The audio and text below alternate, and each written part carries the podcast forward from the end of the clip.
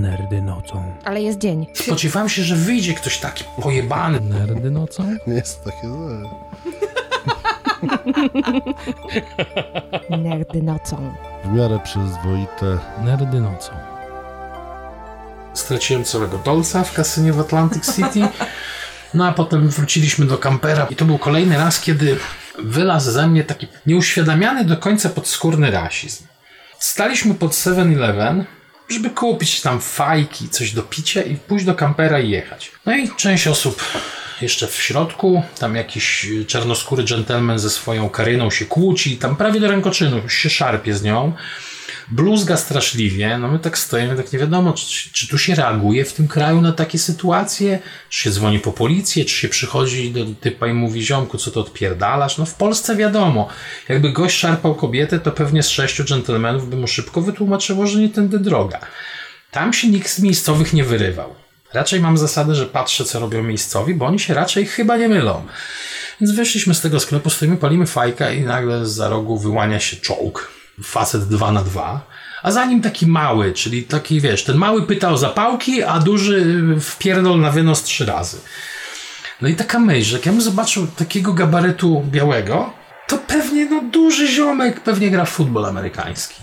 Ale jak zobaczyłem dużego czarnoskórego dżentelmena, stwierdziłem, kur, no pobije nas zaraz. A Patryk jeszcze z tym aparatem swoim bajeranckim. I on do nas podszedł i zaczął coś mówić. I ja w tym momencie stwierdziłem, no Jezus Maria, no we gonna fight. Okazało się, że nie, nie należy wszystkiego traktować i przepuszczać przez filtr czarny to zły, biały to dobry.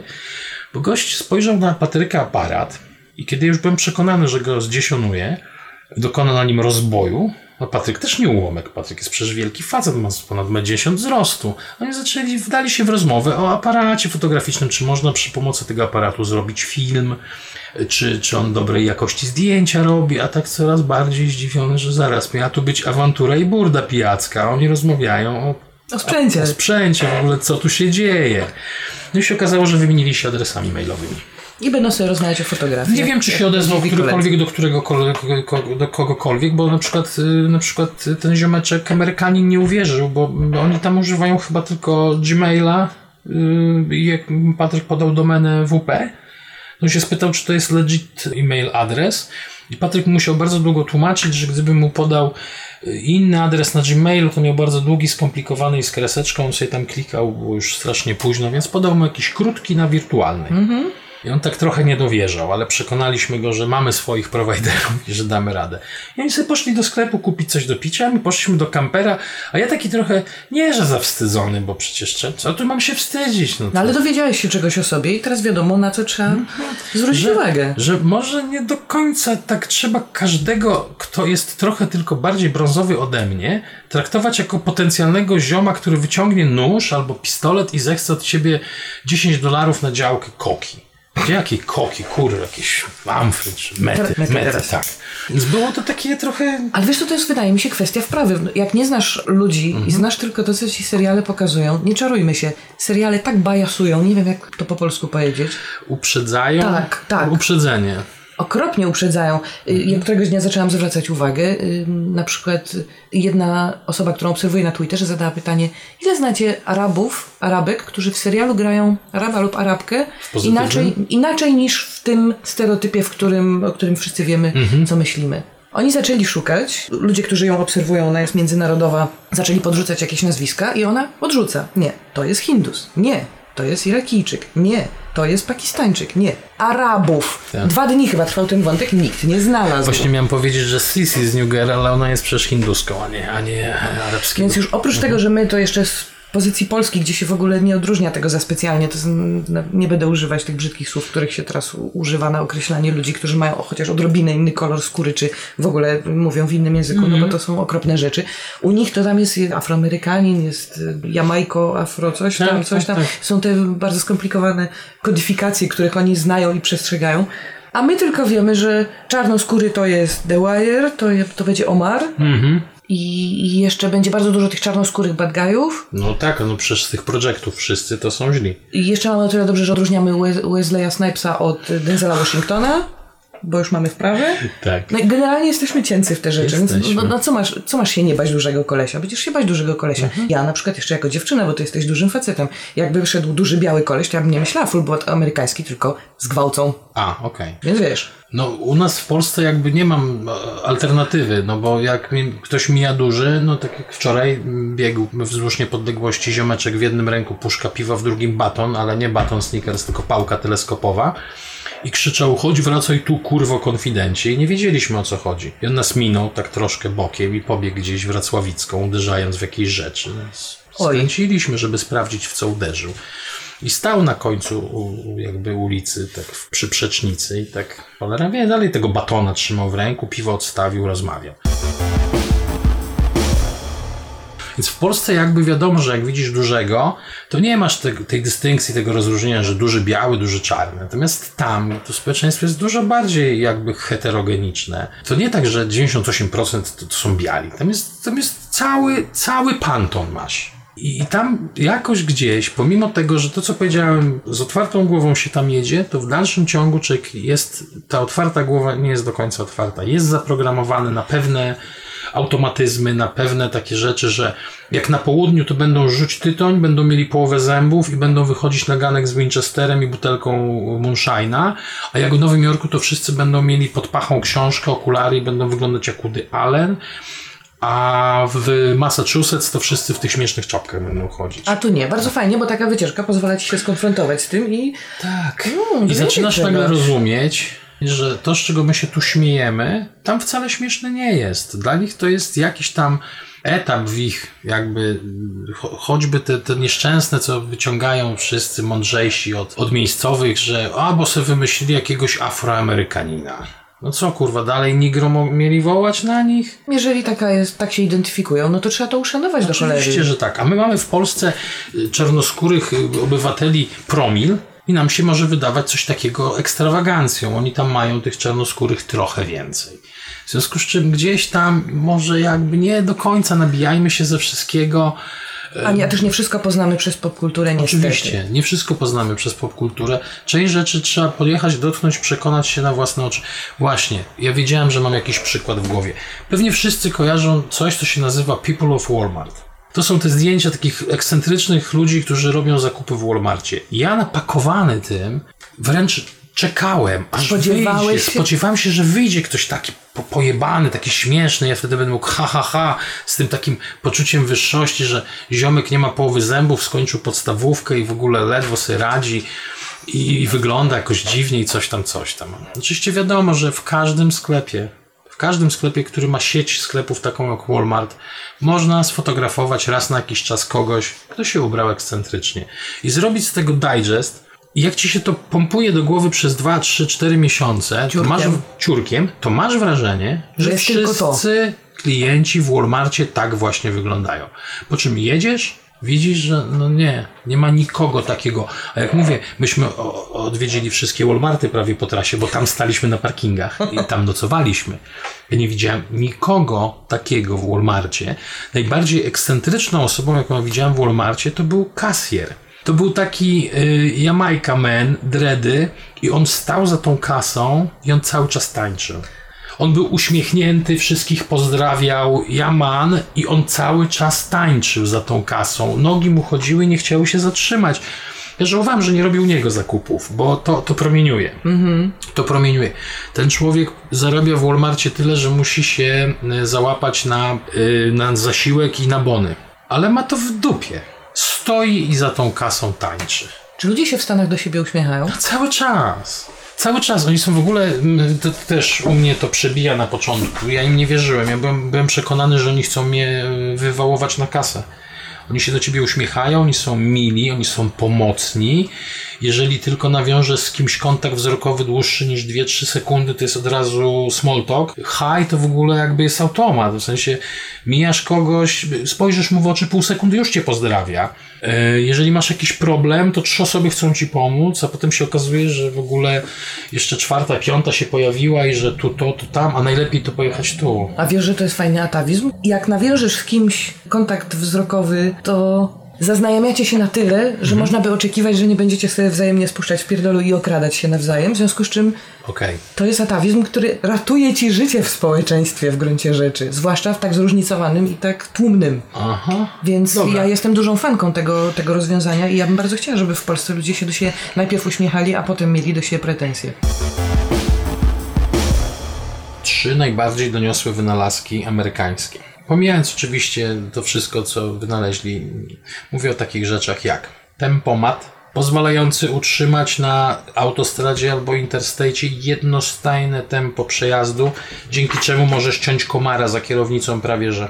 Tam nie ma gości, którzy skaczą między pasami. Ale tam są długie, dłu- długie drogi na Tam wiele się- godzin jazdy. Tak, tam się każdy ustawia na swojej linii, robi se odstęp od tego, co jest przed nim, ustawia tempomat i elo, jedziemy.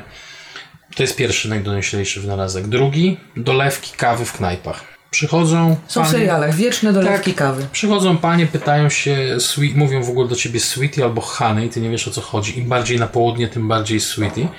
I dolewają ci kawy. W sieciówkach to jest jedna dolewka, w takich lokalach niesieciowych yy, tych dolewek to pewnie tyle, że aż serce się może, może zatrzymać. To jest drugi najbardziej doniosły yy, wynalazek świata. A trzeci to jest właśnie ta ich serdeczność. Ja, też, to też do mnie nie dociera. Rok minął, dalej do mnie nie dociera, jak mogłem być tak głupi, jak mogłem sądzić, że wszyscy Amerykanie są jakieś chamy skończone bez wykształcenia. Y, seriale niedobre Tak, oglądałeś. seriale, książki, opowieści ludzi, którzy, że, że zacytuję, chłopaki nie płaczą. Ty, Bolec, byłeś kiedyś w Stanach? Nie, a ty? I ja nie byłem też, ale znam kogoś, kto był. I na tej zasadzie się propaguje treści pod tytułem tam w ogóle wszyscy nieuprzejmi i w ogóle fałszywi i tak dalej. Powiem tak, jeżeli te uśmiechy i chęć pomocy i pozdrawianie się nawzajem i cześć są fałszywe, to, jak, to tak, jak wygląda ten fałsz, fine by me, może tak Biorę. być. Biorę w ciemno. Jak my byśmy się w Polsce może do siebie częściej uśmiechali, może by nie było tak, tak jak tu jest. My mamy za mało słońca, my powinniśmy się do siebie uśmiechać. Oczywiście nie w sposób, który podnosi ci górną wargę i pokazuje kły, ale po prostu uśmiechnąć, skinąć głową, powiedzieć dzień dobry, jak się wchodzi do sklepu. Oni to wszystko robią. Pewnie dlatego się do tej pory jeszcze nie pozabijali. No bo w Nowym Jorku powiem szczerze, że tam faktycznie ciśnienie duże. Miasto gęste. Ale też mówiłeś, że jak byłeś w Baltimore, że czuć było w powietrzu, że jest nerwowość. I Czy to Powie- było przed, czy po tych straszliwych strzelaninach? U nich to było już po chyba. I powiem szczerze, To napięcie jest trudne. tak, to, to tego nie rozładujesz byciem dla siebie fałszywie, czy tam po prostu sztucznie, czy, Odruchowo. czy konwenansowo miłym. Tak. Nie. To są problemy leżące już y, głębiej. W, w Nowym Orlanie się dowiedziałem, skąd się biorą. Opcja, opcja jest taka, że oni się uśmiechają do siebie, są mili, są pomocni i są naprawdę oni. Oni są wkurzeni, jak ci nie potrafią pomóc. Oni są źli na siebie, że nie potrafili ci pomóc, nie potrafili rozwiązać twojego problemu. Żeby to była jakaś jedna akcja, to bym uznał, że to jakiś pod publiczkę, druga, trzecia. Nas to spotykało non-stop, bez przerwy. Albo na przykład specyfika tych miast, w których jest ciepło, a w innych to jednak nie. Wszędzie. Nie. Owszem, w Bangor byli tacy bardziej zdystansowani. W Nowym Jorku oni też nie lubią się dotykać, bo się dotykają cały czas. Więc oni tam raczej nie będą cię łapia, łapać za rękę, czy za łokieć, ściskać, przytulać, ale nie będą też tacy, jak, jak powstał ten stereotyp Nowojorczyka. Czy powiesz mi, która godzina, czy mam się od razu odpierdolić? No, nie wiem, być może w złych dzielnicach chodziliśmy, nie mam pojęcia, ale przeleźliśmy przez Bowery, które kiedyś było dzielnicą nędzarzy, a teraz nie, nie, to zły przykład. To już nie jest dzielnica nędzarzy, tylko hipsterów. Więc oni są dla siebie mili i to jest takie, no takie miłe. I jak się już człowiek przekona, to, to widzi, że to warto trochę inaczej, że warto wyjąć te uprzedzenia z głowy i tak, z- tak szerszym frontem.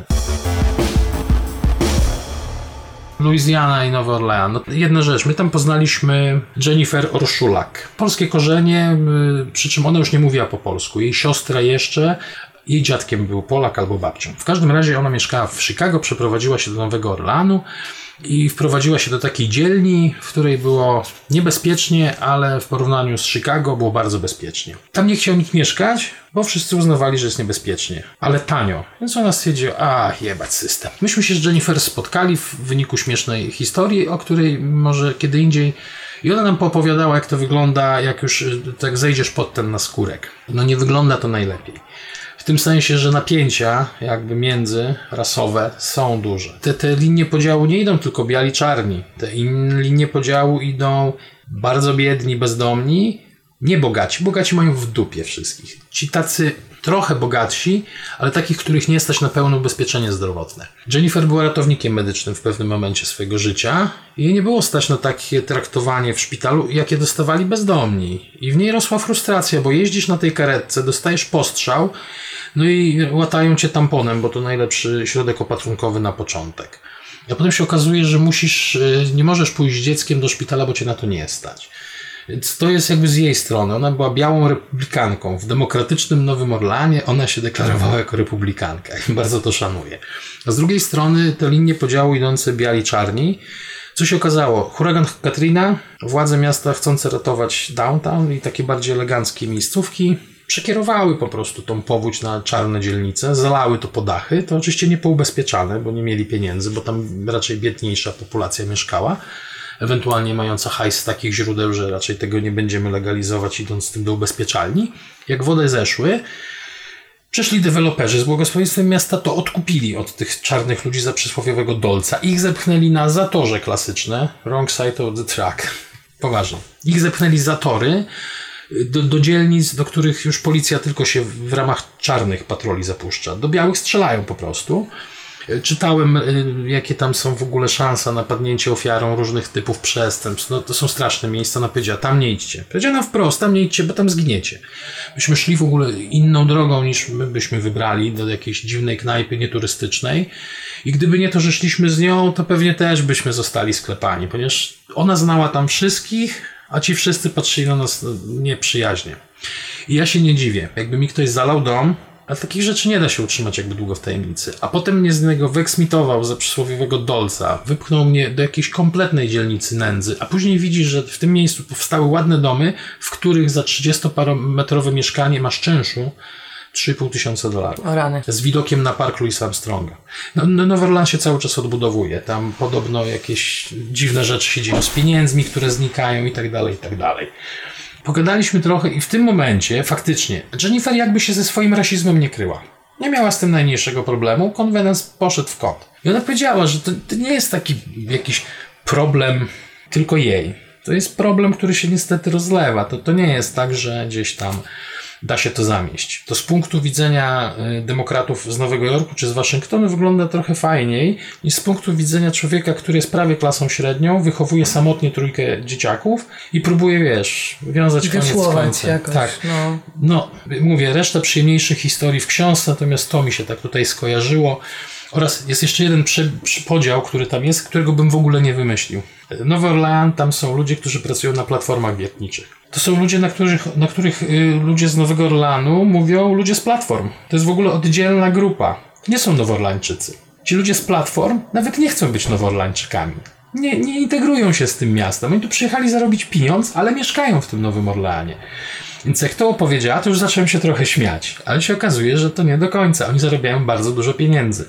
Więc gentryfikacja na przysłowiowej pełnej kurwie odchodzi. Następny odcinek niebawem. Powiadomienia o nowych odcinkach będą na stronie nerdynocą.pl.